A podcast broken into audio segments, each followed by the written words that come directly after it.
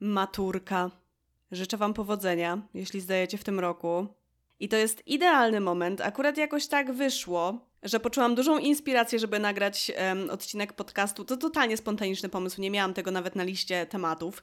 O szkole, o cenach, o tym, jakie jest moje doświadczenie i tak dalej. Mm, na moim głównym kanale jest film o studiach w tej, w tej kwestii i w ogóle zdarzało mi się o tym mówić gdzieś tam. A to w jakiejś rozgrywce z Simsów sobie coś rzuciłam, a to w jakimś QA. Ale jest jeszcze sporo rzeczy, o których nigdy nie mówiłam yy, i Słuchałam do gotowania jednego takiego filmu, który mnie po prostu bardzo popchnął do tego, żeby faktycznie o tym dzisiaj nagrać, i tak miałam w planach w najbliższym czasie nagrać odcinek podcastu w końcu. I to był film na kanale Zoe B pod tytułem Grading is a Scam and Motivation is a Myth. A Professor Explains. Czyli generalnie o tym, że oceny to gówno. Więc y, siedzę w tym temacie trochę. Też troszeczkę będę mówić o moim doświadczeniu z perspektywy nauczania, a nie uczenia się, bo uczyłam w szkole językowej przez jakiś czas. Um, I siedzę w tym temacie też dlatego, że oglądam bardzo dużo Krzysztofa M. Maja, który jest po prostu stuprocentowym przeciwnikiem ocen. Pozdrawiam serdecznie, jeśli jakimś cudem tego słucha. I dużo ogólnie mówi się teraz o tym, że ocenianie nie jest dobre, e, że oceny do niczego nie motywują i tak dalej. I chciałabym to ugryźć od bardzo wielu stron dzisiaj. I przede wszystkim powiedzieć o tym z perspektywy osoby, która nie miała dobrych ocen, bo z tego co widzę, gdzieś tam z tyłu głowy mam zapisane, bo Krzysztofem Maj też jest taką osobą, że dużo ludzi, którzy mówią o tym, że oceny ble, oceny złe, miało dobre oceny i ulegało tej gigantycznej presji w szkole, żeby mieć dobre oceny. A ja nie byłam taką osobą, a i tak uważam, że oceny to gówno. Jakby no tutaj to wiadomo, że ym, jest też taka, takie skojarzenie, że no tak, ma złe oceny, no to przecież wiadomo, że mówi, że oceny to gówno i że o niczym nie świadczą i tak dalej, no przecież lol. Ale i tak nadal uważam, że ta perspektywa osoby, która miała albo przeciętne, albo wręcz słabe oceny, jest też tutaj ważna w jakiś sposób, ym, no bo osoby, które miały świetne oceny, zazwyczaj miały je jakimś kosztem i było właśnie to związane z jakąś presją i w ogóle zażynaniem się strasznym. I tutaj ma dużo sensu mówienie o tym, że oceny są bez sensu, ale osoby, które miały złe oceny, też no to nie jest do końca tak, że nie czuły presji i że do tej pory nie wstydzą się trochę tego, że miały słabe oceny, dlatego że oceny są po prostu wszystkim w szkole. I ja jestem właśnie taką osobą, także co do maturki, to yy, zacznę, wyjdę od maturki po prostu dzisiaj. Ja nawet z angielskiego rozszerzonego nie miałam nie wiadomo jak wysokiego wyniku, a nawet yy, nauczałam angielskiego, no nie? Więc jakby no po prostu w czasie, kiedy była matura, jeszcze nie miałam tego angielskiego nie wiadomo jak dobrego. Akurat z angielskiego miałam dobre oceny i tak dalej, zawsze mnie to interesowało i w ogóle fajnie, e, ale z rozszerzonej matury miałam 61%. To nie jest dużo. Miałam bardzo duże braki w słownictwie i to mnie zgubiło. Ja wtedy nawet nie wiedziałam, co to znaczy słowo foreign, czyli obcy, e, więc no jakby... A jeszcze do jakiegoś 2016 nie umiałam poprawnie wymówić tego słowa, także ja mam jakiś straszny problem z tym słowem. z podstawowego angielskiego miałam dobry wynik, chyba tam coś 90, jakoś coś takiego, chyba nawet 90 ileś, nie pamiętam, ale by, było, było dobrze. Tylko, że angielski podstawowy to jest taki banał, że ja nie wiem, kto by tego nie zdał. Jakby nie, nie chcę tutaj umniejszać osobom, które po prostu nie mają zdolności językowych i strasznie opornie im zawsze szedł ten angielski w szkole i nie mogły nigdy przebrnąć przez po prostu jakieś totalne podstawy, ale naprawdę matura z angielskiego jest podstawowa super łatwa. Z ustnej z angielskiego miałam zdecydowanie lepszy wynik, jeśli chodzi o rozszerzenie, bo było to 80%, co jest też ciekawe, bo ja nie umiałam za bardzo mówić po angielsku wtedy, także to też takie Okej, okay, ale no jakby dałam sobie radę na zasadzie, jak nie pamiętałam jakiegoś słowa, no bo wiadomo, słownictwo, to gdzieś tam naokoło opisałam o co mi chodzi i przy okazji było więcej słów i było takie, o okej, okay, ona chociaż y, umie opisać, co ma na myśli. E, więc generalnie mm, spoko. Miałam temat o tym, że o y, bardzo młodych gwiazdach, czyli na przykład aktorach, którzy zaczynają karierę w bardzo młodym wieku, gdzieś tam dziecięcym. I jakie mogą być zagrożenia, jakie mogą być zalety tego i taka rozkminka. Z polskiego podstawowego miałam, o ile dobrze pamiętam, 56%, z rozszerzonego, tak pisałam rozszerzony, 45%, z matematyki 36%, byłam giga zadowolona, że zdałam w ogóle to gówno i jeszcze pisałam historię muzyki jako pierwsza w historii mojej szkoły, która już nie istnieje, w ogóle pozdrawiam. To była podstawowa historia muzyki i miałam z niej całe 31%, wspaniałość. W ogóle, że chociaż taki wynik zdobyłam, to jest naprawdę coś. Miałam takie, dobra, nie wiem, jebne, że chorał gregoriański, jebłam. Takie memy były po naszych maturach. Mm, tak, to był 2011 rok, także wiecie jak to jest. Także no, maturę napisałam raczej średniawo, bym powiedziała. E, nie czytałam żadnych lektur. Czytałam trochę streszczeń przed maturą z polskiego. I jedyne, co mi to dało, to to, że potem jak y, już po maturce elegancko, fajnie wszystko zrobione, usiadłam i postanowiłam obejrzeć sobie Króla Lwa jeszcze raz po x latach, to zauważyłam nawiązanie do Hamleta dopiero wtedy. I to, to było jedyne, co mi dały te streszczenia. Dobra, nie będę się rozgadywać na temat tej matury jakoś bardzo. Um, więcej grzechów nie pamiętam, więcej przedmiotów nie zdawałam. Matematykę niestety musiałam, byłam drugim rocznikiem, który pisał maturę z matematyki e, i mam dwa magistry. Po prostu doskonała konkluzja tego. Poszłam normalnie na studia, dostałam się na studia, potem wzięłam sobie jeszcze drugą magisterkę i w ten sposób mam po prostu dwa tytuły magisterskie, znaczy no z dwóch przedmiotów jakby, no nie? Z dwóch specjalizacji, e, których w ogóle nie używam w tym momencie, ale da się. Wiem na przykład, że na filologię włoską bym się nie dostała z moją maturą, bo się nie dostałam. Chciałam pójść na licencjat, e, jak e, zaczęłam, zaczynałam, miałam zaczynać dopiero magisterkę na pedagogice, no ale nie, moja matura się absolutnie nie, nie nadawała do tego. E, tak se sprawdziłam, no nie? Jakbym się dostała, to w sumie spoko, bym se poszła, e, ale, ale no nie, jakby moja matura się nie nadawała akurat do tego, także no można, ale to zależy, co się potem planuje. Nie trzeba w każdym przypadku się zażynać, żeby zdać maturę nie wiadomo jak dobrze.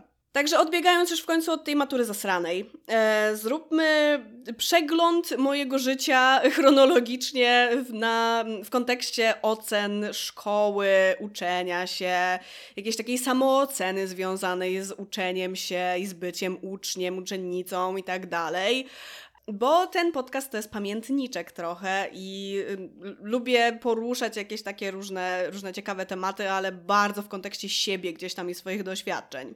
Więc na start powiem, że na początku podstawówki mm, chodziłam do szkoły muzycznej przez pół roku całe, bo zrezygnowałam bardzo szybko. O ile dobrze pamiętam, to zrezygnowałam dlatego, że kolidowała mi z oglądaniem Dragon Balla. To, to są priorytety po prostu siedmiolatki. No, w sensie nie, nie, to nie jest jakieś takie teraz ironiczne obśmiewanie tego, tylko autentycznie to były moje priorytety wtedy i to jest valid.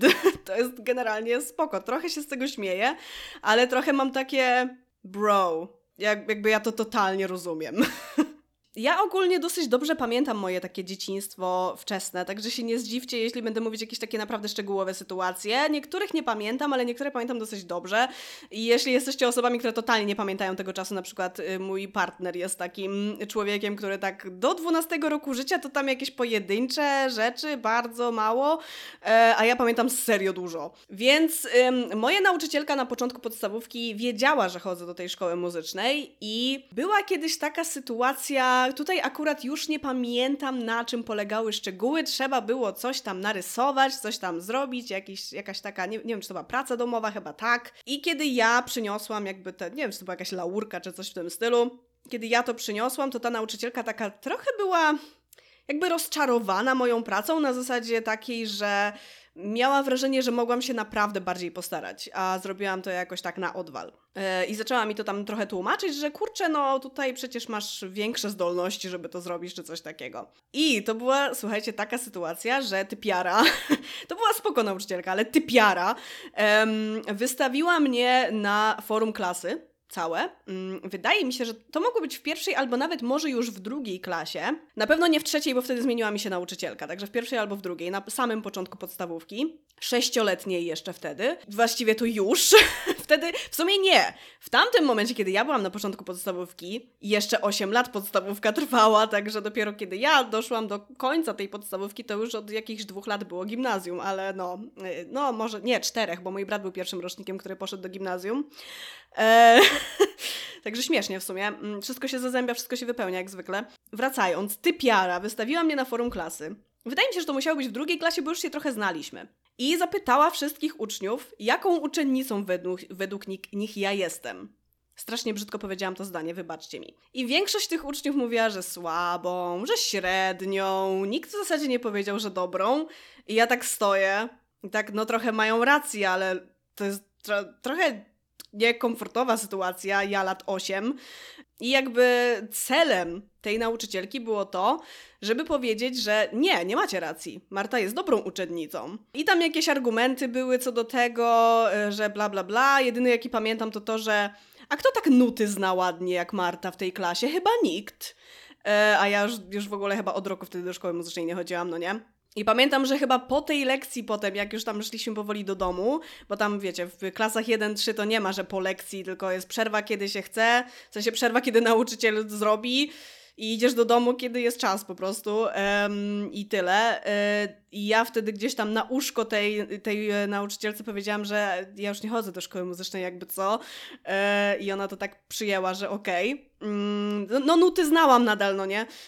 Ale, ale to było takie trochę dziwne wtedy, że w zasadzie jedyny argument y, za tym, że jestem dobrą uczennicą w cudzysłowie, było to, że, że, że te nuty, to było jedyne co zapamiętałam, przynajmniej do teraz, tam były jakieś inne rzeczy jeszcze że to było akurat to, co w sumie już tak trochę było nieaktualne i miałam takie okej. Okay. Generalnie w klasach 1-3 wydaje mi się, że ja nie testowałam nie wiadomo jak złych ocen. Miałam tam te jakieś znakomicie, coś tam znakomicie, to chyba był ekwiwalent piątki, wydaje mi się, bo tam były to takie niby opisowe, no nie? Mm, czyli tak naprawdę e, opisowa wersja tej, zresztą już właśnie powiedziałam, że ekwiwalent piątki, także to, to, to dokładnie tak samo działało.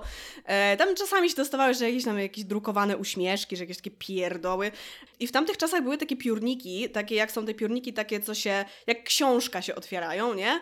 Um, gdzie tam na te gumki wkładasz tam ołówki, długopisy i tak dalej. Były takie była taka wydzielona przestrzeń z taką folijką, tak jak w portfelu czasami jest, żeby włożyć sobie tam zdjęcie. I w tych por w portfelach, Boże, w tych piórnikach było właśnie takie miejsce i ja tam często ym, chowałam sobie y, Pokémony z y, jakiegoś tam Chipikao czy coś ym, i miałam je właśnie za tą, za, w, w gablotce po prostu włożone, ale te uśmieszki drukowane też tam kładłam i było widać ile ich mam właśnie w tej gablotce piórnikowej. Piękne czasy. Mam teraz taki piórnik, co się otwiera książka i nie ma takiej gablotki, także jest świetny ten piórnik w y, Flamingi, ale nie ma gablotki. Nie to samo. intencja tej nauczycielki była bardzo dobra, no bo ona chciała jakby udowodnić tym uczniom, którzy mówili, że że, że nie, że nie macie racji, że spoko generalnie, ale mnie jednak to jest, wiecie, tak samo jak no tutaj super kontekst tworzenia na YouTubie, mój, e, każdy tak ma, że może dostać tysiąc pozytywnych komentarzy. Jak dostanie trzy negatywne, to te trzy negatywne tak się po prostu dłutem wbiją w mózg, że, że tylko o tych trzech się pamięta. A ja to już w ogóle mam takie, takie już, już totalnie tendencje do w ogóle mówienia, że wszystko jest bez sensu, bo jakaś jedna rzecz się wydarzyła. To było też na takiej zasadzie, że no spoko, że ta nauczycielka tak powiedziała i taka trochę zaskoczona byłam, że tak uważała faktycznie, e, ale jednak bardzo mi się wyryło w bani to, że ci wszyscy uczniowie gdzieś tam chórem mówili, że nie, że zła uczennica, średnia uczennica. W ogóle to była taka dziwna jakaś sytuacja, że nie, nie wiem do końca w sumie, co o tym myśleć. Ale jeśli chodzi na przykład o to bardzo popularne zdanie, które dużo ludzi słyszy, czyli zdolna, ale leniwa, albo zdolny, ale leniwy, ja go nigdy nie usłyszałam. Nigdy nikt, żaden nauczyciel nie powiedział tego o mnie. Tutaj mogę płynnie przejść do kolejnego punktu, że jest coś takiego, że przeciętnego ucznia się nie pamięta i nie zwraca się za bardzo uwagi na niego. Kiedy uczeń super dobrze się uczy, robi jakieś takie dodatkowe rzeczy jeszcze, jest wiem, jakimś prezydentem, y, prezydentem, co? Przewodniczącym klasy. Z angielskiego kalkę zrobiłam, jakąś chamską w ogóle, nie, nieważne. Chodzi na jakieś konkursy i tak dalej tego ucznia się super pamięta, zawsze się też jakby popycha go trochę bardziej do y, różnych takich aktywności dodatkowych i też czasami jak ma troszkę gorszą ocenę z jakiegoś innego przedmiotu, to nie chce mu się psuć średniej i jakoś tam ci nauczyciele się dogadują, że dobra, już się postawi tam jakąś ocenę i będzie fajna średnia, nie? A z kolei tego ucznia, który ma problemy, który ledwo zdaje z jakiegoś przedmiotu, nawet w podstawówce, który, nie wiem, roz rozrabia w cudzysłowie, przeszkadza na lekcji albo coś tam. Krótko mówiąc, to jest taki uczeń, który wkurwia po prostu, no. To tych, tych uczniów się też dobrze pamięta i o nich się pamięta w czasie, kiedy oni już są, bo albo temu uczniowi trzeba pomóc, albo po prostu przeszkadza. Albo ciągle rodzicom na wywiadówce trzeba mówić, że ma jedynkę, zagrożenie z jakiegoś przedmiotu i tak dalej. I te dwie skrajności, wiadomo, w ogóle skrajności się najbardziej zapamiętuje i przy uczniach też to jest widoczne. Bo kiedy uczeń jest taki przeciętny, tak jak ja byłam w podstawówce, na przykład gdzieś tam ta średnia 4, najlepszą chyba miałam 4,5 około, e, gdzieś tam w czwartej klasie, mm, także gdzieś tam między 4 a 4,5, gdzieś tam miałam tę średnią, nigdy to nie był pasek, ale też nie miałam jakichś wybitnych problemów jeszcze w podstawówce z jakimiś tam przedmiotami, nawet z matmą nie miałam nigdy zagrożenia i tak dalej, e, w podstawówce. Podkreślam. Ja byłam właśnie takim totalnie przeciętnym uczniem, który no czasami coś tam zrobiłam, jakiegoś głupiego, że się, się nau nauczyciel wkurzył, nie? No ale generalnie byłam no totalnie takim, takim przeciętniakiem, nic specjalnego, więc nie za bardzo ktokolwiek zwracał na mnie uwagę i nie za bardzo ktokolwiek się jakoś oprócz tej nauczycielki na początku podstawówki, no nie, która pamiętała, że chodzę do szkoły muzycznej, że znam nuty, że coś tam, coś tam, ale tak to później nikt się jakoś specjalnie, no już nie chodziłam do tej szkoły muzycznej, więc trochę zrozumiałe, nie interesował tym, czy ja mam, nie wiem, jakiś talent, który można rozwinąć, czy się jakoś konkretnie czymś interesuję, cokolwiek. Nikt by nie pomyślał o tym, żeby mnie wysłać na jakiś konkurs, na przykład ze śpiewu czy coś, mimo że mogłabym mieć jakiś potencjał do tego, żeby to wyszło spoko. Bo nawet jak byli ci słabi uczniowie, to oni często byli brani do jakichś takich e, rzeczy, bo po prostu zauważało się ich, nie? I chciało się im też pomóc, dać im jakieś dodatkowe rzeczy, żeby może podnieść im ocenę, żeby mieć za co im podnieść tę ocenę, żeby może im dać jakieś, e, jakieś ukierunkowanie na jakieś hobby, które może im się spodoba, wiecie, no po prostu, żeby jakoś tam ich wspierać też.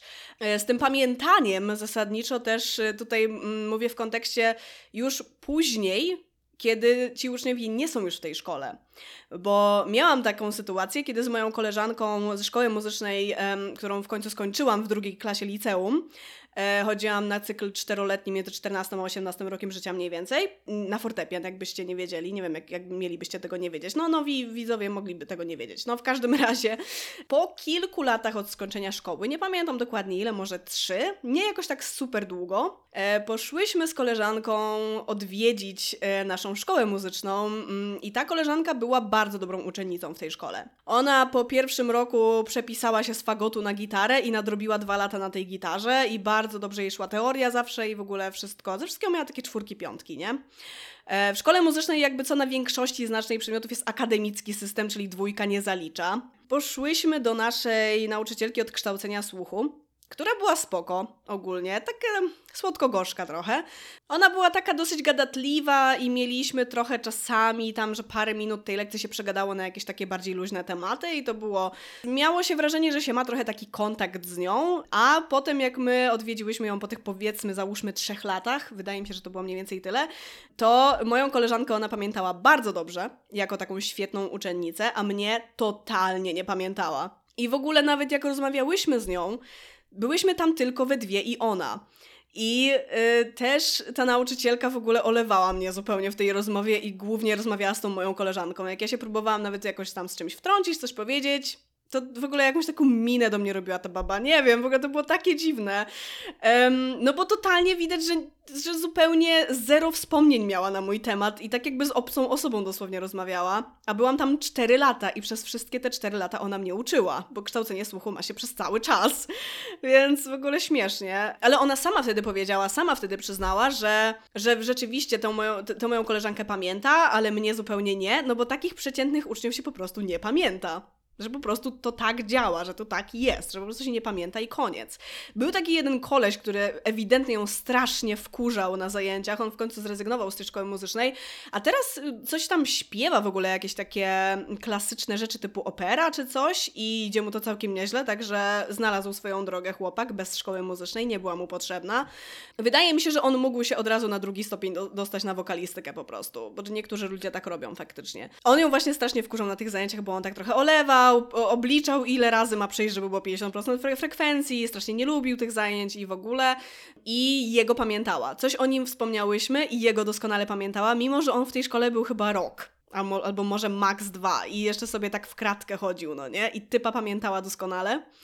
I jak tylko o nim coś wspomniały się, to miała takie, o Jezu, ten! Więc wtedy tak do mnie dotarło, że faktycznie z, z, tymi przeciętnymi uczniami to tak po prostu jest, że ani się o nich nie pamięta, kiedy oni są, ani się o nich nie pamięta, kiedy oni już sobie pójdą. Na studiach już magisterskich z pedagogiki mieliśmy taki przedmiot o uczniu zdolnym, jak ogarniać w ogóle takie różne podziały na, na lekcjach właśnie na tych uczniów zdolnych, mniej zdolnych i tak dalej. Też trochę tam było o tym, jak w ogóle sprawiedliwie podejść do tego, nie? Żeby nikt się nie czuł jakoś wykluczony, bo mówi się niby, że uczniowie zdolni, jakby, że uśredniony jest ten program nauczania niby pod tego przeciętnego ucznia, a gówno tam, nikt nie wie, nie wie w ogóle, że przeciętny uczeń, uczeń istnieje. Um, no ale teoretycznie jakby systemowo tak jest i ten uczeń, który jest trochę ponad jest gdzieś tam sprowadzany do dołu, a z kolei ten słaby uczeń jest mocno gdzieś tam presja, żeby iść do góry, no nie? Jakby niewyrównane są po prostu mocno te mm, rzeczy, dlatego że po prostu każdy jest inny, każdy inaczej się uczy, każdy ma inne zdolności i tak dalej, więc no jak jest jakiś system, no to zawsze dla jakiejś grupy ludzi on nie będzie działał, albo kilku grup. Jak jest to takie ustandaryzowane bardzo mocno na konkretnych zasadach, więc więc to było o uczniu zdolnym na zasadzie, żeby po prostu nie podkopywać go, no nie, nie kłaść mu y, kłód pod nogi i żeby mógł jakoś ten swój potencjał faktycznie wykorzystać, nie będąc sprowadzanym gdzieś tam do tego uśrednionego poziomu, nie? Um, ale mieliśmy też jeden kontekst o przeciętnym uczniu i tam też właśnie było powiedziane, że ci przeciętni uczniowie są yy, no, często zapominani. I ja wtedy opowiedziałam, chyba wydaje mi się, że opowiedziałam o tej wizycie w szkole muzycznej też, bo ta wizyta była parę lat wcześniej, ale też y, było, um, było ogólnie takie postawione pytanie, czy ktoś z nas był przeciętnym uczniem i kiedykolwiek miał taką sytuację, że poczuł się po prostu jakoś wykluczony z jakiejś grupy, czy z jakiejś aktywności i tak dalej, właśnie prawdopodobnie dlatego, że był przeciętnym uczniem, no nie? I ja oczywiście podniosłam rękę i zaczęłam mówić o takiej sytuacji w której klasie to było? To było też jeszcze w podstawówce. To nie mogło być w szóstej klasie, bo zmieniła mi się babka od matematyki, a to było z taką babką od matematyki super fajną, chociaż była taka dosyć rygorystyczna, ale, ale bardzo miło wspominam ogólnie lekcje z nią i... Um, Matematyka mi całkiem nieźle wchodziła, póki ta nauczycielka mnie uczyła. E, nie byłam jakaś super dobra nigdy, no ale miałam tam jakąś czwórkę, no nie. E, strasznie się opuściłam z matmy właśnie w tej szóstej klasie. Tam miałam jakąś tróję na koniec, ale jak na podstawówkę trója, to jest w sumie dosyć nisko. Więc tak, jak zmieniła się ta nauczycielka, to już po prostu, już, już zjeżdżalnia. Już było tylko gorzej. No i ta nauczycielka była bardzo taka umuzykalniona i mm, uczyliśmy się jakichś takich różnych piosenek nawet o liczbach, jakby E, na przykład, że przez trzy są podzielne liczby, których suma cyfr się dzieli przez trzy. I ja do tej pory pamiętam te zasady, bo te piosenki mi grają w głowie, ja je pamiętam, kurde, uczyliśmy się ich ileś, ja pamiętam z cztery z tego do tej pory, miałam 12, 11 lat, jak się tego uczyliśmy. Um, i normalnie, nie wiem, tańczyliśmy na tych lekcjach i śpiewaliśmy sobie te piosenki, żeby te zasady zapamiętać, to było po prostu genialne. I ona nawet miała w ogóle keyboard w sali, no nie, i grała na, na tym keyboardzie i, i w ogóle to było mega fajne, no i jako, że ona była taka umuzykalniona i nie, nie uczyła muzyki jednocześnie, no nie tylko matematyki, to założyła taki, w naszej klasie zasadniczo, założyła zespół do kolędowania w okolicach świąt, gdzieś tam na początku roku szkolnego, to musiało być w piątej klasie, założyła właśnie zespół złożony z siedmiu naszych uczniów. E, nazwa tego zespołu nawiązywała do liczby siedem, więc pamiętam, że było ich siedmiu. No i wybrała sobie kilku takich uczniów naprawdę wybitnych, w tym moją przyjaciółkę i jednego zasadniczo, nie pamiętam dokładnie kto w tym zespole był i może tam były osoby z innych klas. Jest możliwe, że tam były jakieś osoby z innych klas, bo ja z mojej klasy pamiętam tam zasadniczo trzy czy cztery, cztery chyba. Um, no i jeden z, z, uczniów z naszej klasy był mega słaby, jakby to był najsłabszy uczeń, taki najbardziej, który nie mógł się za bardzo skupić na lekcjach i trochę rozrabiał i taki, no wiecie, każdy ma takiego ucznia gdzieś w swojej klasie w podstawówce, no nie? I on był też w tym zespole, absolutnie nikogo przeciętnego w tym zespole nie było. To tam jeszcze okej, okay, ale mm, moja przyjaciółka dostała się do tego zespołu, dlatego że, tak mi powiedziała przynajmniej później, dlatego że jak oni już robili powoli próby, w ogóle na lekcji matmy, także spoko, nie tylko jakby co mieli oddzielnie próby też, ale na lekcji matmy też tam coś robili, jak my mieliśmy jakieś zadania rozwiązywać, to oni tam coś śpiewali. I ta moja koleżanka robiła sobie te zadania gdzieś tam, siedziała w pierwszej ławce. Ja z nią nie siedziałam w ławce, bo wtedy mieliśmy za karę podział nazwiskami i siedziałam z kolegą, którego nie lubiłam. Ale podczas rozwiązywania tych zadań ona sobie nuciła te rzeczy, które oni tam śpiewali. No i ta nauczycielka przyuważyła to i poprosiła ją o zostanie po lekcji i zaproponowała jej dołączenie do tego zespołu zanim jeszcze w ogóle nazwa tego zespołu była. No i ja bardzo chciałam być w tym zespole, no bo ja zawsze byłam umuzykalniona mega. Ja już we wczesnym gdzieś tam dzieciństwie pokazałam, że mam słuch muzyczny bardzo dobry i w ogóle. Um, no i śpiewać, kurczę, zawsze jakoś tam umiałam, no nie? Wiadomo, że nie zawsze śpiewam czysto, ale no generalnie, żeby powtarzać dźwięki, absolutnie żaden problem. E, więc jak na taki poziom gdzieś tam podstawówkowy, to w ogóle nadawałabym się super do tego zespołu. Teraz z perspektywy czasu mogę sobie naprawdę powiedzieć, że nadawałam się do tego zespołu, zwłaszcza jak sobie przypomnę, jak ten, jak ten właśnie ten powiedzmy gorszy uczeń, nie chcę jego imienia mówić, jak on śpiewał, to Oh boy. Wiecie, no nie każdy umie śpiewać, wiadomo jak to jest. Co do reszty ludzi, to tamta moja przyjaciółka w sumie okej, okay, raczej śpiewa, ona ciągle mówi, że nie ma słuchu muzycznego, ale czy ja wiem, a reszta to szczerze nie pamiętam. No ale tak, ja próbowałam zrobić dokładnie to samo e, przy rozwiązywaniu sobie gdzieś tam zadań, jakieś tam ułamki czy coś, no nie?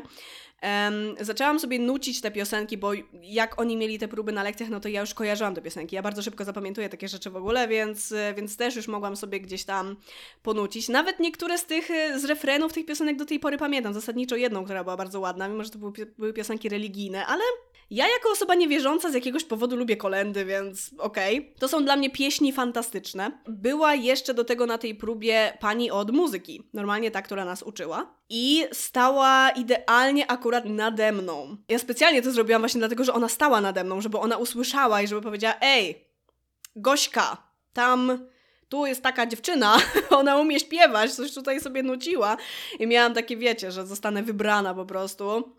Jako, że ja siedziałam w jakiejś tam trzeciej ławce, gdzieś tam jeszcze przy ścianie, to ta nauczycielka moja od matematyki mogłaby totalnie nie usłyszeć tego. Ta moja przyjaciółka siedziała w pierwszej ławce, więc było ją doskonale słychać. Więc jak ta baba przyszła um, i właśnie stanęła przy mnie, jeszcze babka od muzyki, no nie, która się zna, stała idealnie nade mną, no to ja sobie zaczęłam tamto nucić e, i ona mnie uciszyła. Ona mi powiedziała, przestań śpiewać, bo nie słyszę, jak oni śpiewają. Autentycznie. Jakby rozumiem, że jej to przeszkadzało, ale miałam takie, kurwa serio? No bez kurwa, bo wtedy nie mówiłam takich słów, ale wiem, że to teraz brzmi jakbym mówiła to z jakąś taką w ogóle zawiścią wręcz, a przynajmniej zazdrością. No i powiem wam, że no kurde, jest tak. Byłam zazdrosna o ten zespół i byłam zazdrosna o to, że nie byłam wybrana do tego zespołu, a jacyś tam inni ludzie byli, którzy nawet nie wszyscy potrafią śpiewać. Miałam takie, czemu? Miałam całkowicie nawet jako jedenastolatka już świadomość, że mam słuch muzyczny, mam zdolności muzyczne, umiem śpiewać i tak dalej, a zupełnie nie zostałam wzięta pod uwagę nawet jak próbowałam się tam dostać. Więc no mogłam może teoretycznie podejść do tej nauczycielki i poprosić, że ja też chcę być w tym zespole czy coś, ale serio, jedenastolatek myślicie, że to zrobi? Jeszcze ja zawsze byłam takim nieśmiałym dzieckiem. Nie, nie ma absolutnie opcji.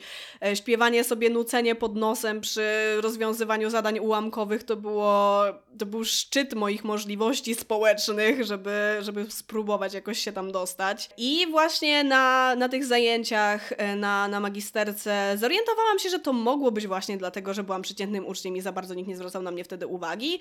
Chociaż ta nauczycielka akurat doskonale wiedziała o moim istnieniu, bo e, w sensie, no wiadomo, że się wie zawsze, że istnieje ktoś, bo czytasz listę uczniów, ale wiecie o co chodzi, że jakby tak naprawdę, żeby zauważyć tego ucznia, że on jest i że on może mieć jakieś zdolności, ale ona też doskonale wiedziała o moim istnieniu, dlatego że była wychowawczynią mojego brata. E, jak ja byłam w tej piątej klasie, to już był dawno w gimnazjum i e, tak, i ona po prostu już po mordzie mojej na pierwszych zajęciach, pamiętam, na pierwszej lekcji w czwartej klasie już zapytała, jak mam na nazwisko, bo wiedziała, że ja jestem jego siostrą, po prostu mamy ten sam ryj. I też sobie jakieś tam żarciki z tego robiła, bo czasami jak nie miałam pracy domowej, to mówiła rzeczy w stylu, co, braciszek nie pomógł?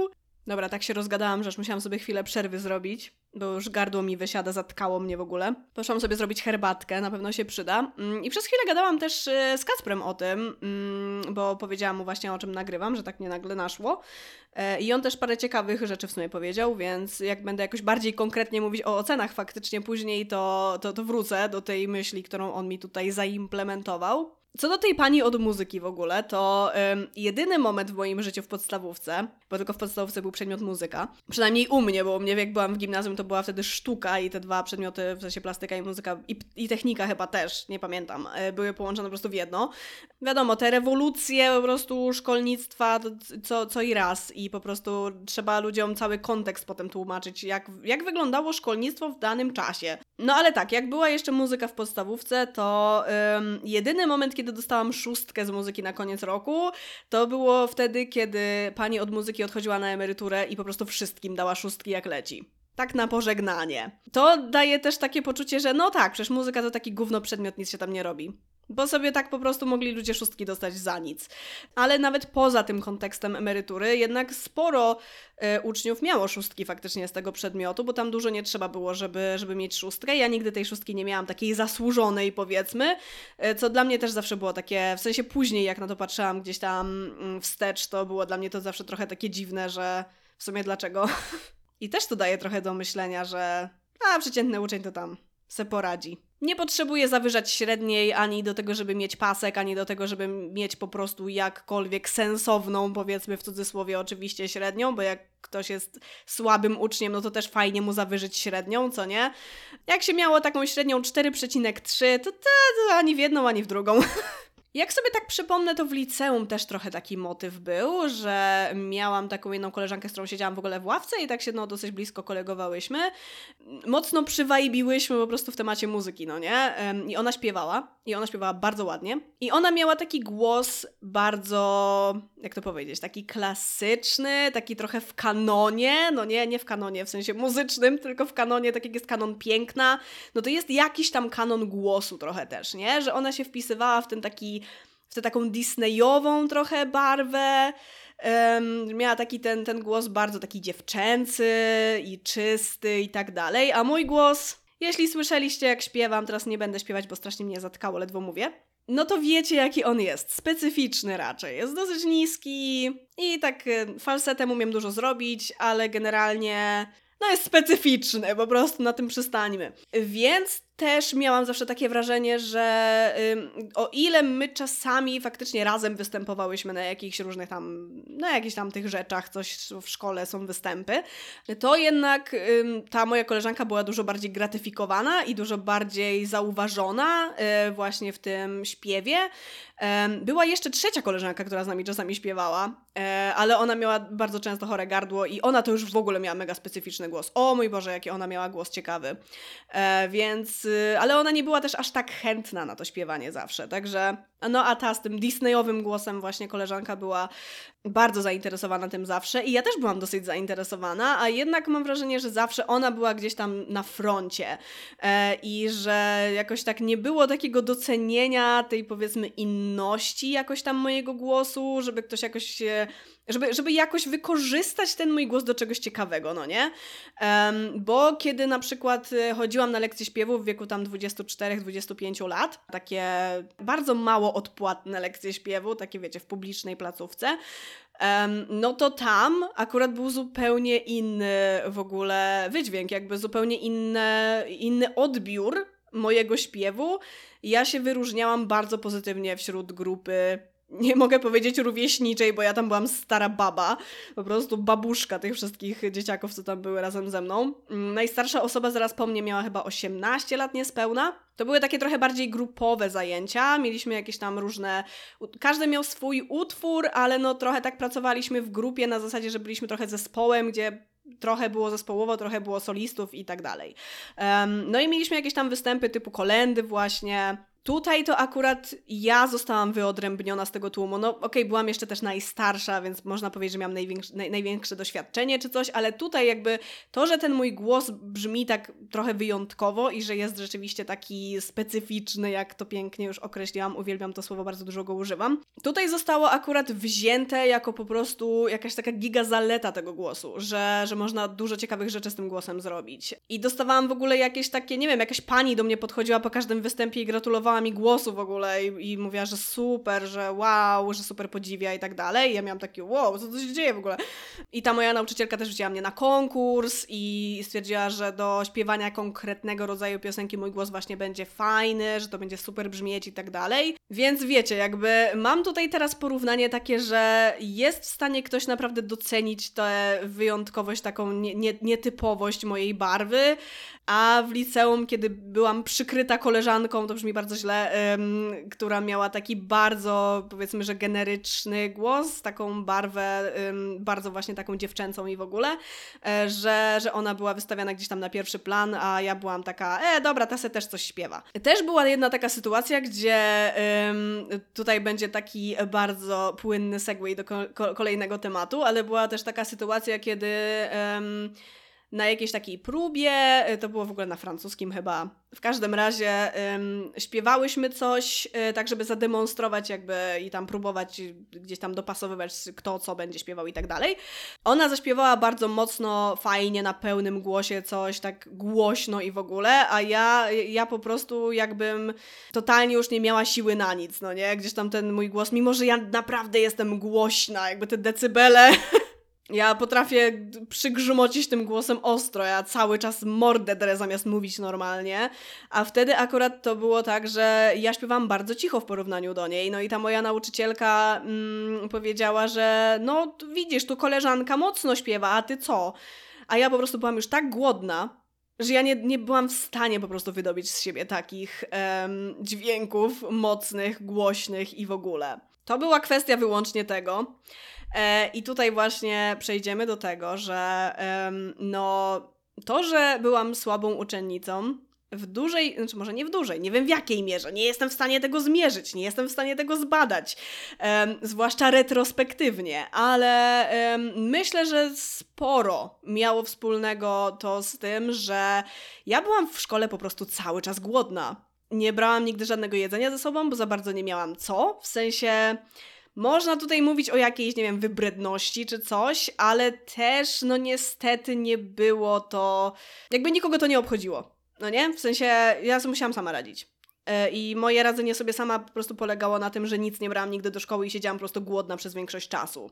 Będzie kiedyś odcinek o zdrowiu psychicznym, ale moje obecne zdrowie psychiczne musi na to pozwalać, żeby, żeby o tym nagrać i muszę się też zastanowić, ile mogę powiedzieć, ile chcę powiedzieć, żeby przekazać to, co chcę przekazać, a nie powiedzieć za dużo. Ale no, po prostu powiedzmy teraz y, tak już jako taki mały hint do y, tego odcinka o zdrowiu psychicznym, że mam za sobą pewne zaniedbania przez dorosłych. I to było jedno z nich, że ja faktycznie do szkoły chodziłam po prostu głodna. Jadłam tylko śniadanie, a jestem jedną z tych wielu, wielu, wielu osób, które rano nie są w stanie wcisnąć w siebie nic, um, więc ledwo co jadłam jakąś tam miskę płatków czy coś i zajmowało mi to czasami 25 minut, żeby w ogóle to zjeść. A do szkoły nie miałam totalnie nic. Jeśli szłam, e, jechałam właściwie od razu do szkoły muzycznej, czyli byłam poza domem, nie wiem, 10 godzin na przykład, no to łaskawie dostałam tam jakiś hajs, żeby sobie kupić jakąś jedną bułkę. I na tej jednej bułce leciałam 10 godzin. E, więc y, też, y, no, trudno jest trochę tak skupić się na lekcjach i w ogóle wiedzieć, co się dzieje dookoła ciebie, jak jedyne o czym myślisz, to, to żeby się kurde najeść w końcu, bo już nie możesz wytrzymać. E, bo siedzisz od 8 rano, a jest 15 i już po prostu twój organizm zaczyna sam siebie jeść. Żuje z wyrzutej gumy zaraz po prostu poleci, jak w dzieciakach z klasy 402. Boże, co za odcinek, co za kreskówka wspaniała. Jak ktoś pamięta, koniecznie napiszcie, po prostu kocham. Był taki kontekst mocno, kontekst głodu. E, I no wiecie, nawet ta już trochę przedawniona, y, y, jak to się nazywa, piramida Masłowa, Maslowa, Masłowa się mówiło kiedyś, nie wiem. No jednak jest dużo prawdy w niej nadal, że jeśli potrzeby fizjologiczne nie są za, za, zaspokojone, to y, no po prostu nie jesteś w stanie robić nic ekstra, no nie? Więc podejrzewam, że głód mógł mieć dosyć sporo wspólnego z tym, że nie dość, że bycie w szkole było dla mnie w ogóle potwornie męczące, z tego względu, no ja w ogóle taka, wiecie, wkurwiona w ogóle wracałam z tej szkoły, bo byłam już po prostu tak głodna, byłam po prostu typowo hangry. Hungry plus angry, czyli że taka po prostu wściekła z głodu. I potrzebowałam dobrych paru godzin, żeby w ogóle wydobrzeć po tym czasie spędzonym w szkole. Jeśli chodzi o odrabianie lekcji, to Ty żartujesz? Co ty? Zdaj spokój, zostaw to. Prawie nigdy nie odrabiałam lekcji. Dostawałam tyle jedynek na matematyce z tego, że po prostu nie miałam ciągle pracy domowej, że wow, e, nie tylko ze sprawdzianów, ale też i z tego. Jak trzeba było jakieś wypracowanie napisać, to zazwyczaj oddawałam je po czasie dużo, albo nadrabiałam w ogóle pod koniec roku dopiero te wypracowania nieoddane. Z angielskiego jeszcze całkiem chętnie odrobiłam zadania, bo to było łatwe i też całkiem przyjemne do zrobienia, zawsze lubiłam angielski, um, ale na przykład w liceum, no to najczęściej gdzieś tam na kolanie szybko na przerwie sobie zrobiłam to zadanie i tyle. Jeśli chodzi o uczenie się na sprawdziany, to jestem w stanie na palcach y, policzyć, ile razy się serio nauczyłam i z tego wynikła dobra ocena, że się nauczyłam. Pamiętam w piątej klasie podstawówki, jak na przyrkę, przyrodę, e, się nauczyłam, nie pamiętam o czym to było, coś o mapach fizycznych chyba. To były fizyczne, Boże. Wydaje mi się, że tak. Nie, nie wiem. Nie wiem, nie znam się. Ja mam straszne braki przez to, że byłam kiepską uczennicą, też będę o tym zaraz mówić. Czy mapa fizyczna to jest ta, która uwzględnia wysokość gór i tak dalej? Muszę się dowiedzieć teraz. Na szczęście teraz wszystko można wygooglać, zaraz będę mądra. Tak, to jest mapa fizyczna, okej. Okay. Taka, co nawet takie wypukłe były, no nie? Więc tam było coś tam z tym obliczaniem, tam yy, różnic wysokości, jakieś takie pierdoły, no nie? według tam skali czy coś. Dlaczego ja pamiętam w ogóle, czego się uczyłam w piątej klasie? No to był kurwa jedyny moment w podstawówce, kiedy nauczyłam się czegoś, więc pamiętam do tej pory, co to było. Tak, i pamiętam, że nalałam sobie mleczka i siedziałam sobie sama gdzieś tam w pokoju i na spokojnie się uczyłam tego. I wtedy uczyłam się na zasadzie pamięciówy, bo tam sporo trzeba było też, no, po prostu jakichś tam y, definicji czy tam czegoś znać, nie? To nie był tylko sprawdzian z tego liczenia, ale też, no, trzeba było po prostu dużo umieć na pamięć, jak to w szkole. Więc ja się bardzo porządnie nauczyłam do tego i dostałam piątkę faktycznie z tego sprawdzianu e, i byłam bardzo zadowolona z siebie, ale teraz jak sobie tak myślę, to jest okej, okay. jakby no spoko, nauczyłam się raz i mogę sobie to powiedzieć jako anegdotkę i fajnie. I pamiętam o czym to było, ale żebym teraz miała policzyć y, jako coś według skali na mapie fizycznej, co, da, co? Nie, nie ma opcji. Drugi raz, kiedy się naprawdę nauczyłam i dostałam serio dobrą ocenę, to po pozytywną bardzo ocenę, dobrą ocenę, powiedzmy, że wysoką ocenę, to y, było na fizyce, już to ostatnio opowiadałam na moim głównym kanale mm, przy okazji grania w Simsy, że była kartkówka z obliczania temperatur z Celsjuszy na Fahrenheity i na Kelwiny i ja z pomocą koleżanki się bardzo dobrze nauczyłam na tę kartkówkę. Mimo, że to było matematyczne mocno, to ogarniałam to, jakby znałam wzór, umiałam to policzyć, w ogóle fajnie. E, I dostałam piątkę z tej kartkówki ale mogłam dostać szóstkę i nie dostałam tej szóstki dlatego, że napisałam stopnie Kelwina. To była ta jedna, jedyna rzecz, której się nie nauczyłam, że są stopnie Celsjusza, stopnie Fahrenheita, ale kelwiny to są kelwiny. To nie jest jednostka stopniowa. I to, to była ta jedna rzecz, która mnie ym, jakby oddzieliła od tej szóstki upragnionej z fizyki, żeby sobie poprawić średnią ocen i może nie mieć zagrożenia na koniec roku. Piątka nadal była spoko, nadal mi jakby zrobiła robotę. Ym, ta jedna, jedyna piątka z fizyki w moim życiu chyba. Ale wkurzyłam się trochę. Nie powiem, bo to była taka pierdoła. Ale do końca życia zapamiętam, że są kelwiny, a nie stopnie kelwina, mimo że totalnie nie są mi kelwiny do niczego potrzebne, bo po, co, co ja mam w temperaturze kelwinowej niby liczyć? Fahrenheity tak gdzieś tam na oko jestem w stanie określić, kiedy jest zimno, kiedy jest lodowato i tak dalej, kiedy jest bardzo ciepło i temperatura ciała mniej więcej jaka jest. I to jakoś tam się przydaje, żeby kontekst ogarniać, jak się coś amerykańskiego ogląda czy cokolwiek i masz taki, nie musisz googlać wszystkiego, bo w miarę kojarzysz, e, ale z kelwinami nie jest mi to do niczego potrzebne. Było mi to potrzebne tylko, żeby nazwać Sima fajnie. Także chociaż tyle. Dziękuję pani od fizyki. I trzeci raz, jaki pamiętam, kiedy się faktycznie nauczyłam, to akurat nie było na sprawdzian, tylko wtedy jakoś tak wyszło. Znaczy, trochę to była w sumie też moja inicjatywa. No to było tak, że w pierwszej, to było w pierwszej czy w drugiej liceum? W drugiej liceum um, zepsuł mi się komputer. I przez jakieś trzy tygodnie byłam bez komputera na samym początku roku szkolnego. To był taki ciąg, kiedy w tym komputerze po prostu padały dyski co i raz i trzeba było je wymieniać na gwarancji. No i to był właśnie jeden z tych momentów i tak totalnie nie miałam co robić bez komputera. Ja w tym momencie siedzę 14 godzin dziennie przed komputerem. Ja po prostu, ja nie mam życia po, poza komputerem i internetem. Wtedy też trochę tak było. Nie mogłam se w pograć, nie mogłam nic praktycznie zrobić, bo też to nie był taki czas, kiedy się miało smartfona i można było w necie sobie siedzieć na smartfonie.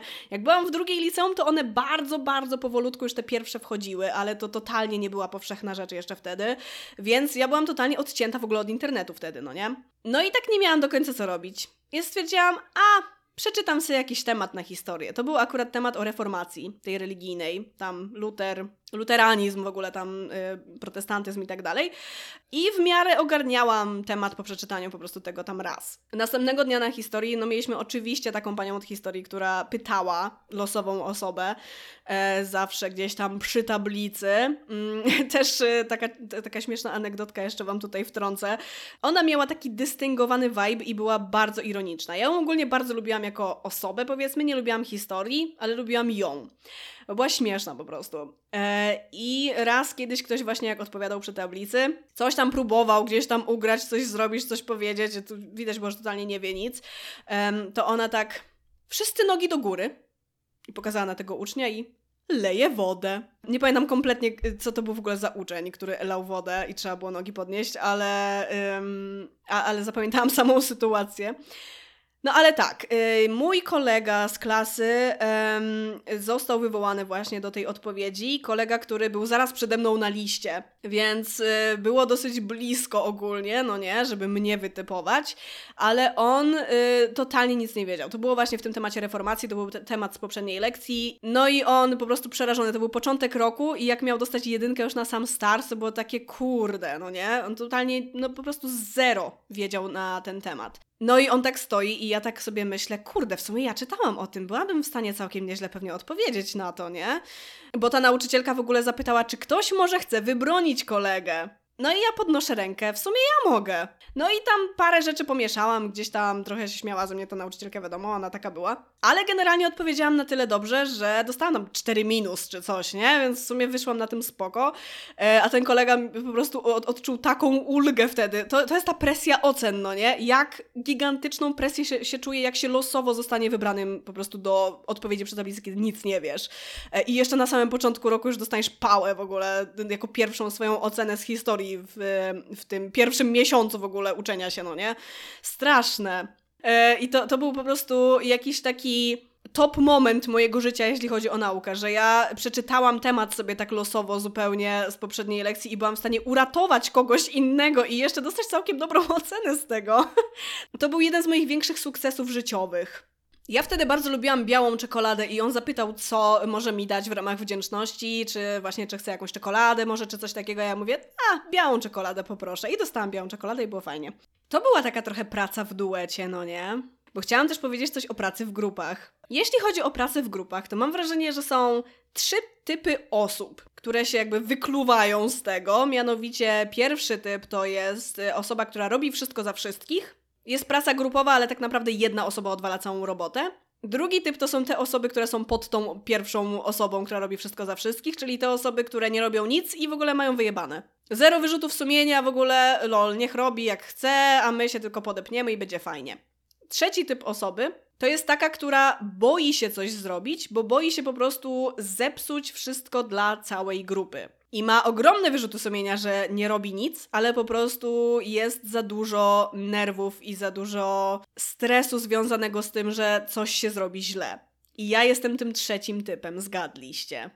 Nie pamiętam dokładnie, kiedy to się wydarzyło. Mm, jakby pamiętam konsekwencje, a nie pamiętam przyczyny. Czasami się pamięta w taki sposób rzeczy. Mm, pamiętam, że właśnie czegoś, jakiejś gdzieś kiedyś pracy w grupach na wczesnym poziomie edukacji, musiało się zdarzyć coś takiego, że próbowałam być aktywna w tej grupie, w tej pracy w grupie, ale parę rzeczy zrobiłam źle, na zasadzie, że trzeba było coś robić od nowa, na przykład, czy coś, e, że miałam przydzielone jakieś swoje zadanie, ale, ale niedobrze je wykonałam, cokolwiek, i po prostu tak mnie to dotknęło mocno, że spartaczyłam część pracy dla całej grupy, że później, jak byłam w jakichś e, innych grupach, to Często nie byłam też już nawet wybierana przez moich bliskich znajomych do jakiejś pracy w grupach wtedy, kiedy się dobierało faktycznie jakby samemu w te grupy, a nie, że nauczyciel narzucał. I lądowałam w grupach z jakimiś, w ogóle w takiej grupie odrzutków typowej, no nie? E, z jakimiś, a to jakimiś słabszymi uczniami, z którymi nikt nie chciał współpracować, bo nie wiem, nie są zbyt dobrzy z tego przedmiotu na przykład. Albo właśnie takimi ludźmi jak ja, którzy przestali cokolwiek robić w tej pracy w grupach, bo się po prostu bali.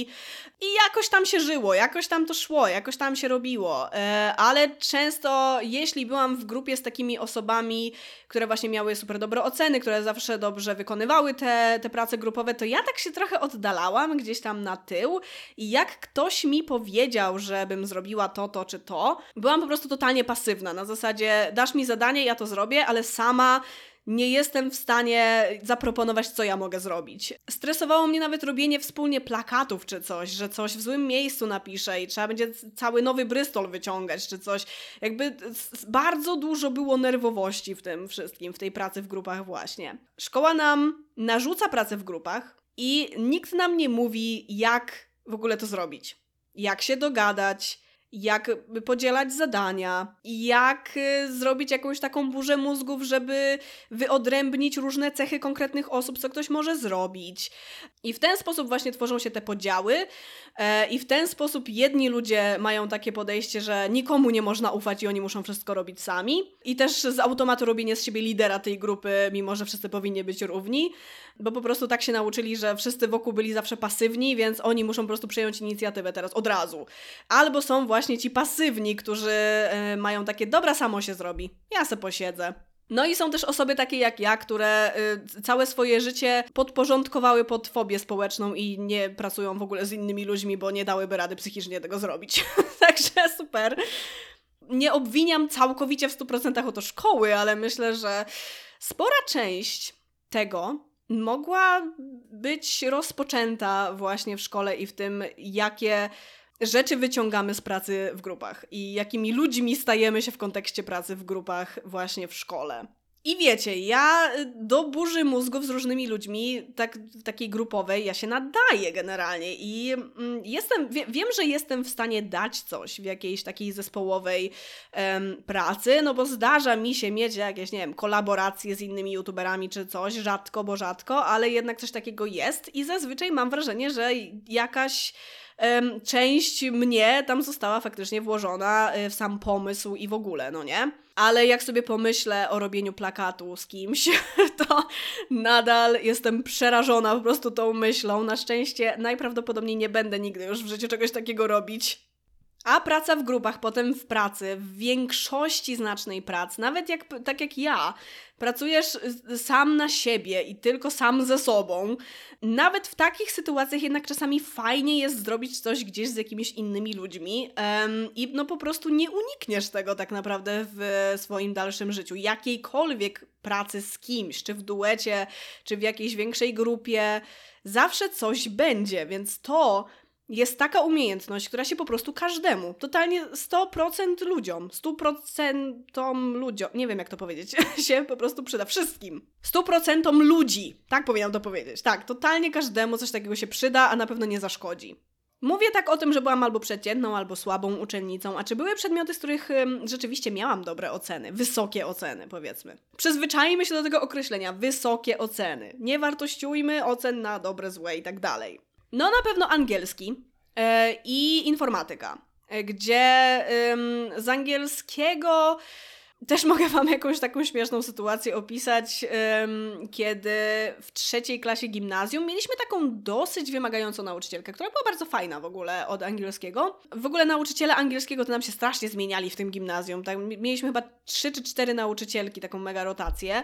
Ale no była taka jedna, która też mojego brata uczyła, bo ja wszystkie szkoły y, y, dzielę z moim bratem, a jestem z Łodzi. To nie jest małe miasto, także to jest dosyć y, nietypowe, żeby z rodzeństwem dzielić wszystkie szkoły w tak dużym mieście, gdzie wybór jest po prostu gigantyczny. No ale tak się złożyło. Nie wiem, czy też w tym wypadku ona nie była wychowawczynią nawet mojego brata, już nie pamiętam. No w każdym razie miałam wstępnie wystawioną czwórkę z angielskiego na koniec roku w trzeciej klasie i byłam załamana.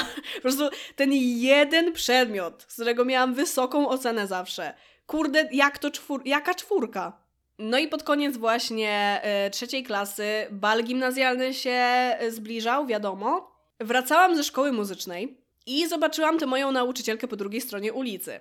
No i tam pomachałam do niej, no bo ona taka była spoko luźna, można było normalnie sobie z nią pogadać i w ogóle wszystko fajnie, wiecie, nie, nie było tej takiej sztywnej atmosfery, że takiego super rozdzielenia między nauczycielem a uczniem, um, tylko tak, tak na luzie generalnie była ta, ta interakcja i ta um, relacja ucznia z nauczycielem. Ja ogólnie wtedy miałam trochę takie wahanie między tym 4 a 5. Raczej mi czwórka wychodziła, ale myślałam, że może da radę zrobić coś, żeby podciągnąć do tej piątki. Um, no i widząc tę nauczycielkę po drugiej stronie ulicy, ona zaczęła mi mm, pokazywać taką rozłożoną dłoń i robić jakieś takie miny, no nie? I rozłożona dłoń to jest pięć palców. I ja byłam przekonana, że postawiła mi piątkę na koniec. I taka zadowolona idę sobie do domu. Potem rozpowiedziałam wszystkim koleżankom, że y, ej, pani tutaj mi pokazała gestem po drugiej stronie ulicy, że piąteczkę mi wystawiła i co? I co teraz? A potem ym, rozmawiałam z tą nauczycielką przy tych koleżankach i zapytałam, o co jej chodziło z tym gestem. I jeszcze z takim przekonaniem, z takim smirk, no nie, na twarzy, z takim uśmieszkiem, że mm, o co pani chodziło, bo chciałam, żeby powiedziała to, że mi postawiła tę piątkę przy tych koleżankach, no nie? A ona powiedziała, że chciała mi paznokcie swoje pokazać, bo na bal gimnazjalny sobie zrobiła paznokcie. To jest taki moment, kiedy ja dosłownie usłyszałam wtedy w głowie, jeśli oglądaliście aparatkę, tam był taki na gitarze elektrycznej zrobiony taki dźwięk, takie piu! Nie umiem tego odtworzyć, bo to było strasznie, strasznie wysoko w ogóle. I to było właśnie w takich sytuacjach typu zonk. I ja dosłownie usłyszałam w głowie wtedy ten dźwięk, bo to była dokładnie taka sytuacja, jaka wystąpiłaby w tym serialu. No i trochę ząg. Dostałam czwórkę koniec końców, faktycznie na koniec gimnazjum, byłam niezadowolona. Ale no, no niestety, no takie miałam oceny. Ehm, kartkówki ze słówek zawsze mi obniżały ogólnie średnią z angielskiego, bo trzeba było coś zrobić. Trzeba było się nauczyć, trzeba było coś zapamiętać i trzeba było aktywnie rzeczywiście posiedzieć nad książką i zapamiętać parę rzeczy. To był koszmar i do tej pory słownictwo jest najsłabszą moją stroną, jeśli chodzi o angielski. Widzę czasami jakieś słowo, które wiem, że widziałam wiele razy, ale w sumie nie wiem, co ono znaczy.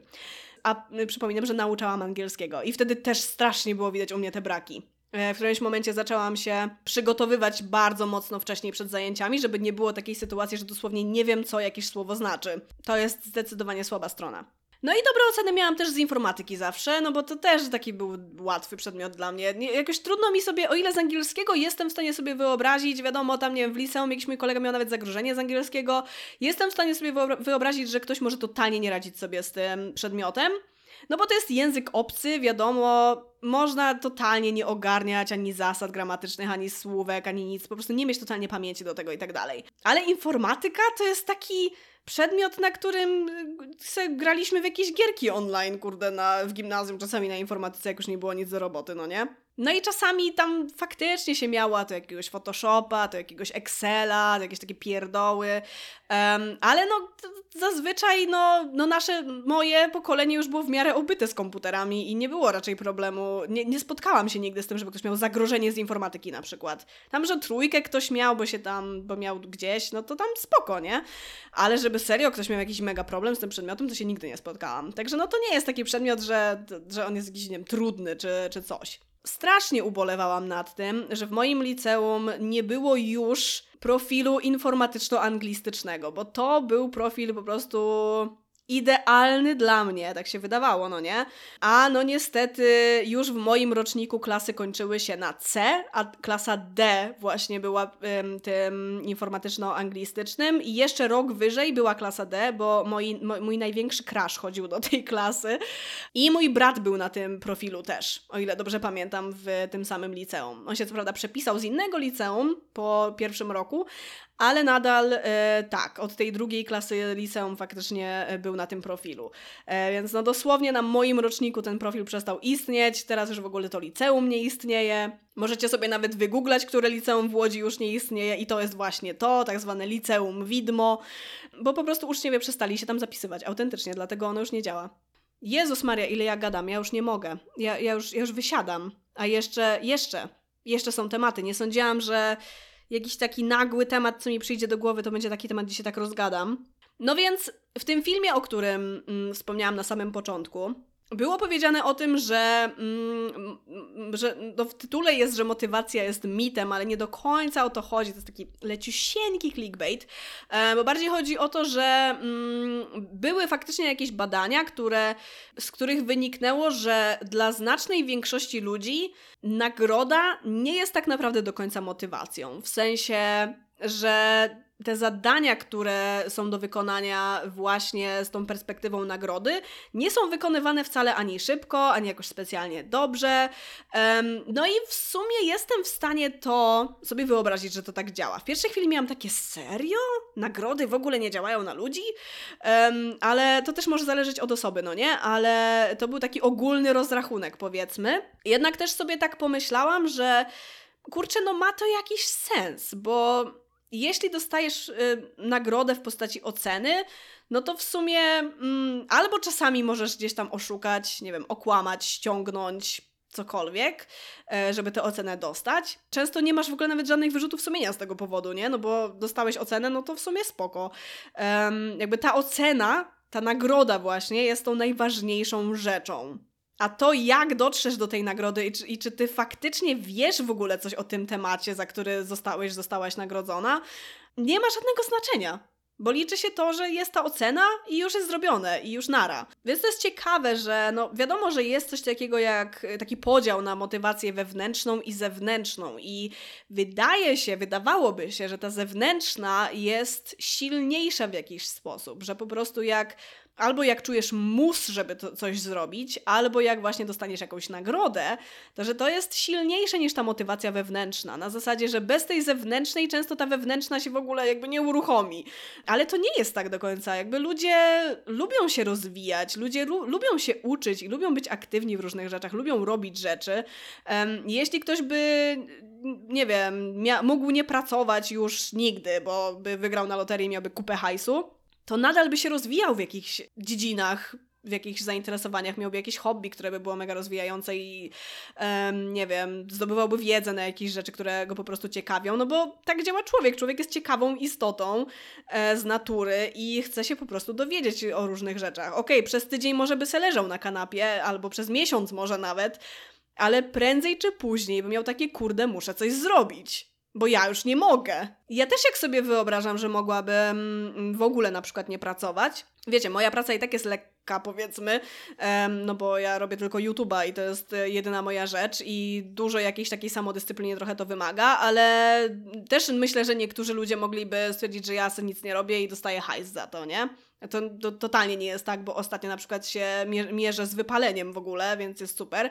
Zmierzam do tego, że ym, gdybym w ogóle nie musiała robić niczego zarobkowo. Cały czas bym, kurde, coś robiła. Nie mogłabym tak sobie siedzieć i yy, nie wiem, i nie, nie uczyć się niczego i kurde, ja siebie uważam za naprawdę giga leniwą osobę. Ja nie, nie znam bardziej leniwej osoby od siebie. Bardziej takiej osoby, której się nic nie chce po prostu robić nigdy, a jednocześnie nadal, no nie jestem w stanie sobie wyobrazić, że miałabym serio nic nie robić. Więc ludzie mają często błędne przekonanie, że jeśli kogoś, komuś się nie da tej marcheweczki na wędce i albo tego dolara przyczepionego do wędki czy coś, żeby sobie za nim biegł, to że ten człowiek nic nie będzie robił, a to totalnie nie jest prawda. Fakt, że trudne jest zaimplementowanie w kimś takiej wewnętrznej motywacji do nauczenia się czegoś i ta zewnętrzna motywacja jest po prostu jakoś tak łatwiejsza do zrobienia, ale to jest bardzo płytkie uczenie się. W sensie, jeśli coś robisz tylko dla nagrody, a nie dla siebie, no to wtedy no zrobisz, zapomnisz, albo nawet sobie coś tam ściągniesz i oddasz tylko, żeby było zrobione i tyle. I jakby nie wyciągasz w ogóle żadnej wartości z tego, z samego tego procesu uczenia się tego. A jeśli ja na przykład obejrzę Pocahontas i chcę się koniecznie dowiedzieć o tym, jak to naprawdę było. I zaczynam czytać sobie, nawet na Wikipedii po prostu, um, o postaci Pocahontas i jak, jakie były fakty tej historycznej postaci, która faktycznie istniała, ale zupełnie inaczej to wyglądało niż w Disneyu pokazują. Czy pierwszą, czy drugą część oglądałam, miałam ten sam motyw, że po obejrzeniu miałam takie nie, ja się muszę dowiedzieć, jak to naprawdę było. Ile faktów jest w tym filmie, a ile bzdur. I po prostu siedzę wtedy o pierwszej w nocy i czytam jakieś rzeczy. Mimo, że miałam kiepskie oceny w szkole, można spokojnie tak powiedzieć, że były kiepskie, bo w podstawówce jeszcze byłam przeciętnym uczniem, ale w gimnazjum i liceum to oh boy. przynajmniej dwa zagrożenia co semestr, e, a mój rekord to sześć w pierwszym semestrze y, pierwszej klasy liceum, gdzie miałam zagrożenie nawet z PO i PP, e, czyli przysposobienia obronnego, którego chyba już nie ma, teraz jest chyba BHP czy coś i z podstaw przedsiębiorczości. Teraz mam firmę, także jednoosobową działalność gospodarczą. Podstawy przedsiębiorczości prawie niezdane w pierwszej liceum. Po pierwsze, są inne osoby, które się po prostu specjalizują w tym i możesz z tych osób skorzystać, że tak powiem. Ale też, jeśli po prostu potrzebujesz tego w danym momencie, to się tego nauczysz, to się dowiesz. No i właśnie o to chodzi, że jak czegoś potrzebujesz, to się dowiesz, że jeśli potrzebujesz coś znać na pamięć na przykład, to zapamiętasz. Jeśli jest to dla ciebie super przydatne, żeby nauczyć się czegoś na pamięć, to się nauczysz tego na pamięć. Nawet intencjonalnie będziesz siedzieć i próbować to po prostu zapamiętać na siłę, jeśli to jest coś, co ci się mega przyda. Na przykład ja się nauczyłam na pamięć nie dość, że mój numer konta znam na pamięć, to jeszcze no, tam PESEL, no to wiadomo, i mojej mamy, i mojego brata znam na pamięć, ale akurat pamięć do numerów to ja mam pojebaną, więc e, to nie porównujcie się do mnie, bo ja naprawdę, ja pamiętam daty urodzin ludzi z podstawówki, z którymi nie gadałam od 20 y, lat, więc nie, to, to nie jest normalne. Jakby co, mój poziom pamięci do liczb nie jest normalny. Ale mm, na przykład przydatna rzecz, która, ym, której się nauczyłam na pamięć tak trochę intencjonalnie, to jest, ym, to są skróty klawiszowe na y, numerycznej klawiaturze. Wiecie, jak się w, zrobi alt i wpisze jakiś kod, to Wam się y, wtedy napisze jakiś symbol, na przykład paragraf albo nutka. No i ja się nauczyłam polskiego cudzysłowu. Kodów na polski cudzysłów, żeby nie musieć tego gdzieś tam kopiować skądś i tak dalej, żeby napisać piękny polski cudzysłów, który, który zaczyna się na dole, a kończy na górze. Um, I sobie po prostu zapamiętałam, że kod na dolny cudzysłów to jest 0132, a kod na górny cudzysłów to jest 0148. Po prostu sobie to pamiętam i mi się to mega przydaje. Większości ludzi totalnie się to nie przyda. Mnie się miało przydać, to se zapamiętałam, proste. Tak samo jak numery telefonów pamiętamy do różnych ludzi ważnych dla nas i swój, no bo to jest po prostu mega potrzebne, żeby robić podstawowe rzeczy czasami, nie? Wiadomo, że tam numer czyjś sobie możesz zapisać w telefonie i jest spoko, nie musisz go pamiętać, ale swój jest jednak dobrze pamiętać, bo co i raz trzeba go gdzieś podać, więc tak zaglądać do telefonu, jaki jest mój numer telefonu, byłoby trochę wkurzające, um, więc prędzej czy później i tak go zapamiętasz, jak go podajesz ileś razy. Ja mam faktycznie pewne wyrzuty i pewien wstyd związany z tym, że miałam słabe oceny i że mam mega braki w ogóle w jakichś takich podstawach, nie wiem, historii i tak dalej. W ogóle lektur żadnych praktycznie nie czytałam w swoim życiu i mm, jakieś tam trzy w podstawówce przeczytałam, a od gimnazjum to totalnie nic. I jak ktoś gdzieś, gdzieś do czegoś nawiąże i ja totalnie nie wiem o co chodzi, bo ja nie znam tych rzeczy, e, no to faktycznie trochę jest mi tak głupio, no nie, że miałam te braki, że olewałam mm, te tematy, ale też jednocześnie łapię się na tym, że są osoby, które miały giga dobre oceny na przykład z historii um, czy z biologii, a już totalnie nic nie pamiętają z tego e, i są na takim samym poziomie wiedzy jak ja tak naprawdę w wielu rzeczach. E, a ja też czasami pewnie mogę kogoś zaskoczyć, e, jak dużo wiem na jakiś konkretny temat, który mnie po prostu zwyczajnie interesuje. Więc ja w swoim kontekście też zawsze mówię, że oceny nie mają żadnego znaczenia. No ja mam bardzo niską samoocenę, więc czuję się głupsza od innych ludzi, ale jak sobie tak bym miała logicznie do tego podejść, no to są osoby, które miały dużo lepsze oceny ode mnie, a nie powiedziałabym, że są, nie wiem, mądrzejsze czy coś, czy bardziej inteligentne. Mimo, że siebie nie uważam za nie wiadomo jak inteligentną osobę, jestem raczej przeciętna, e, ale oceny w dużej mierze zależą od tego, jak bardzo chcesz mieć dobre te oceny, jak bardzo cię to obchodzi, gdzie chcesz pójść dalej, e, bo wiadomo, że poziom z danej matury faktycznie, no niestety, wpływa na to, co możesz dalej robić. Też do tego, jak dużo czasu poświęcisz na to, żeby zapamiętać po prostu pewne rzeczy i nie jest wymierne totalnie co do, nie wiem, inteligencji czy wartości człowieka już absolutnie. Um, I wiem, że z ust osoby, która miała słabe oceny, no to wiadomo, że muszę tak powiedzieć, ale osoby, które miały dobre oceny też to samo powiedzą. No mam nawet w domu takiego typa, um, który miał mega dobre oceny zawsze i też uważa, że to jest totalne gówno i... Um, i że on często też miał tak, że ym, przez te motywacje ocenami, jeśli trzeba było, znaczy nie trzeba było, tylko można było coś zrobić, co nie było na ocenę, to co ty tam w dupie z tym? Przecież nie będę czegoś robić za darmo. I właśnie on wypunktował też, jak przez chwilę gadaliśmy, że trochę przez taką warunkowość właśnie tego, że zrobisz coś, dostaniesz ocenę. Ładnie napiszesz coś, tam dostaniesz ocenę.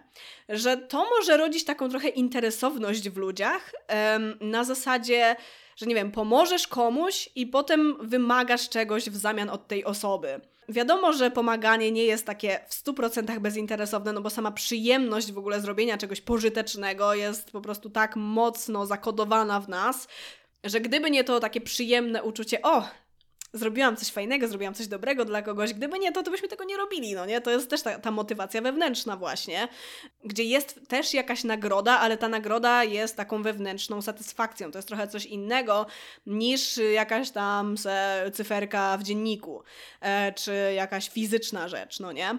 No i też tutaj nie chodzi o to, żeby ludzie robili zawsze rzeczy bezinteresownie, na przykład nie dostawali pieniędzy za swoją pracę, no bo pieniądze, tak jak w tym filmie, o którym wspomniałam, też było powiedziane, że pieniądze to jest coś, czego po prostu potrzebujemy, żeby istnieć w ogóle.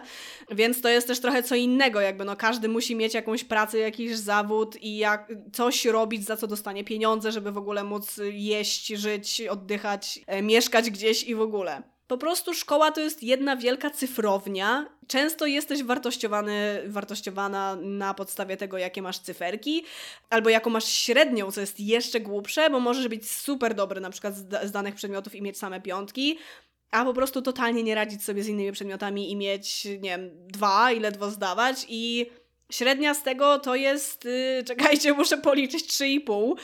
No i kurde, uczeń ze średnią 3,5 to tak średnio, no nie?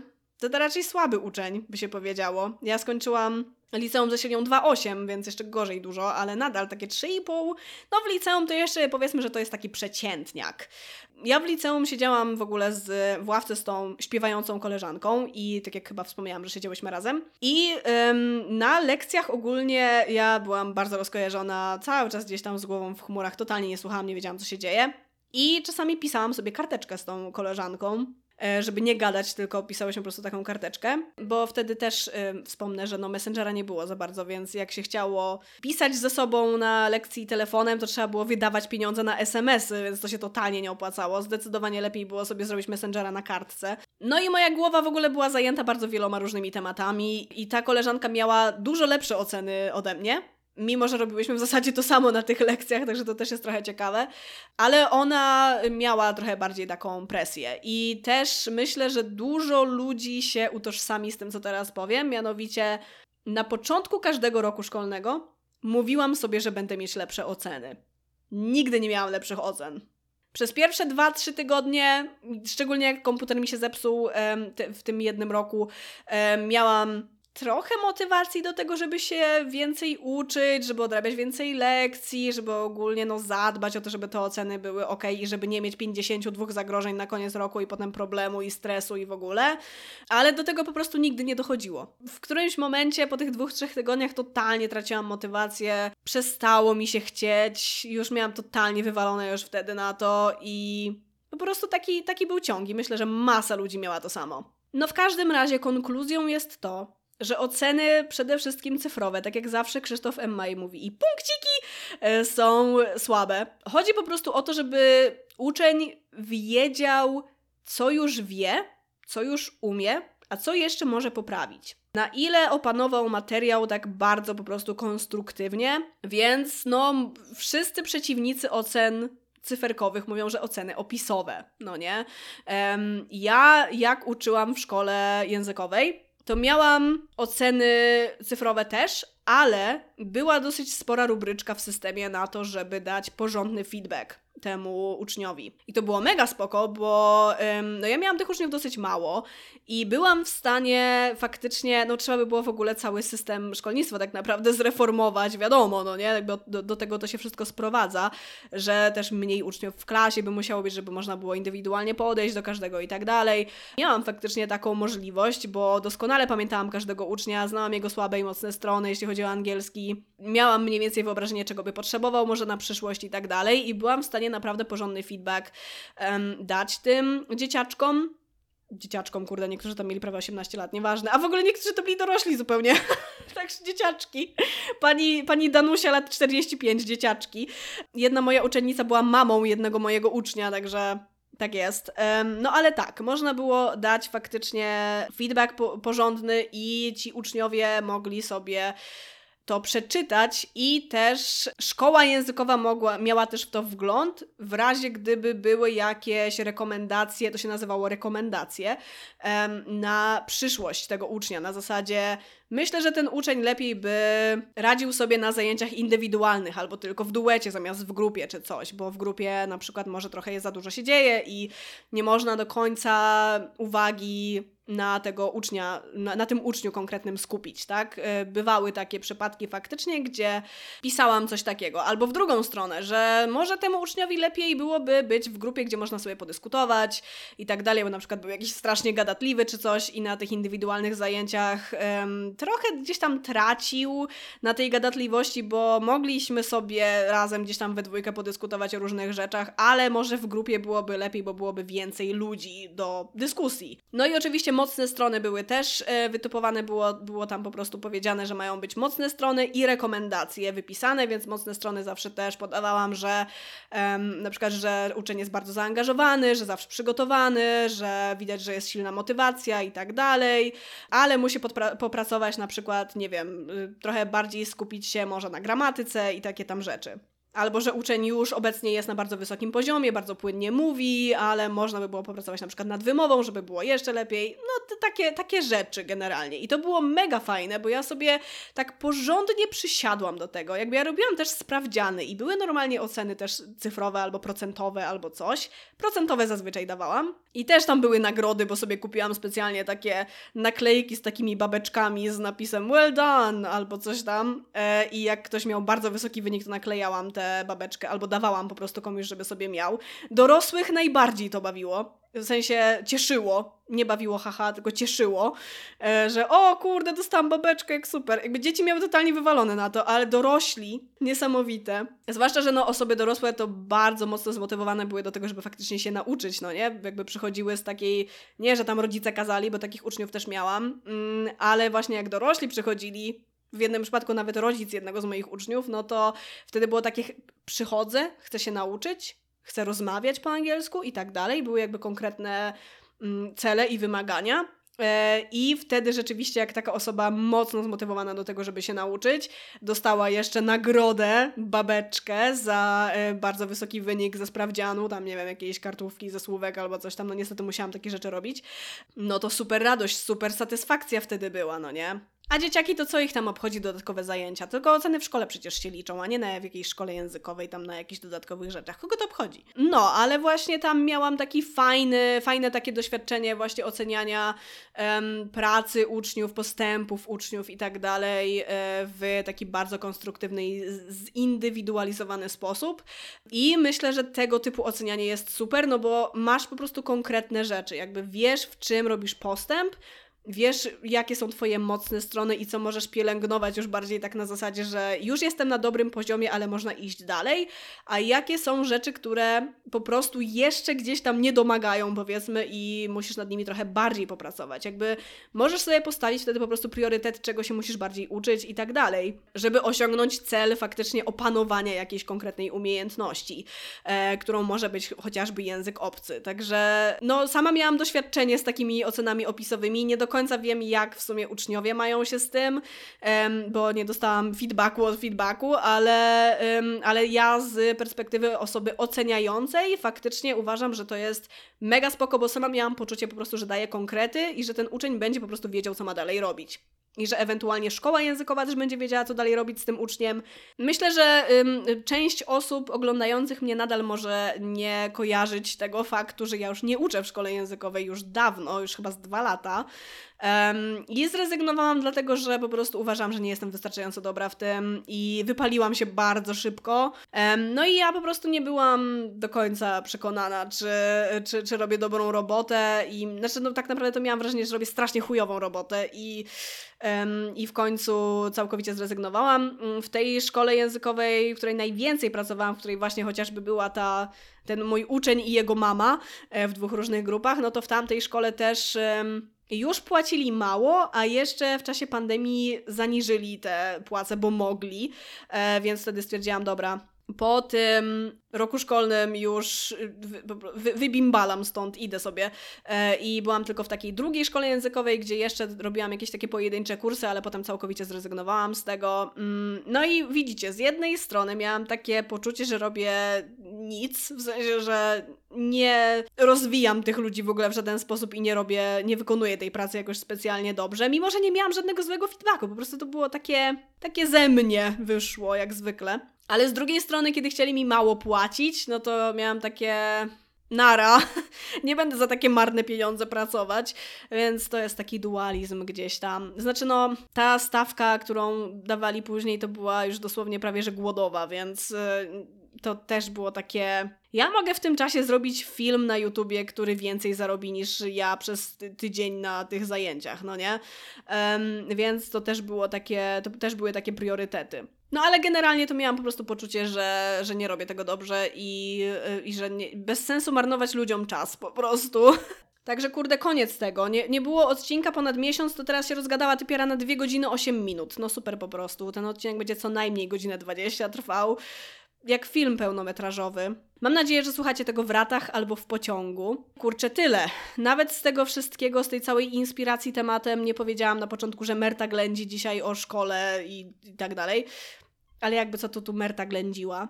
Mam nadzieję, że będziecie zadowoleni ze swoich wyników e, matur, e, że zrobicie wszystko, co chcecie zrobić, co niestety wymaga dobrego wyniku z matury. A jeśli tak jak ja macie już na szczęście dawno za sobą takie tematy i studia i wszystko, to życzę wszystkiego dobrego. Możecie napisać w komentarzu, e, jeśli słuchacie tego na YouTubie, co tam Wam się pojawiło w główce podczas moich rozkmin. I tyle. Żegnam serdecznie.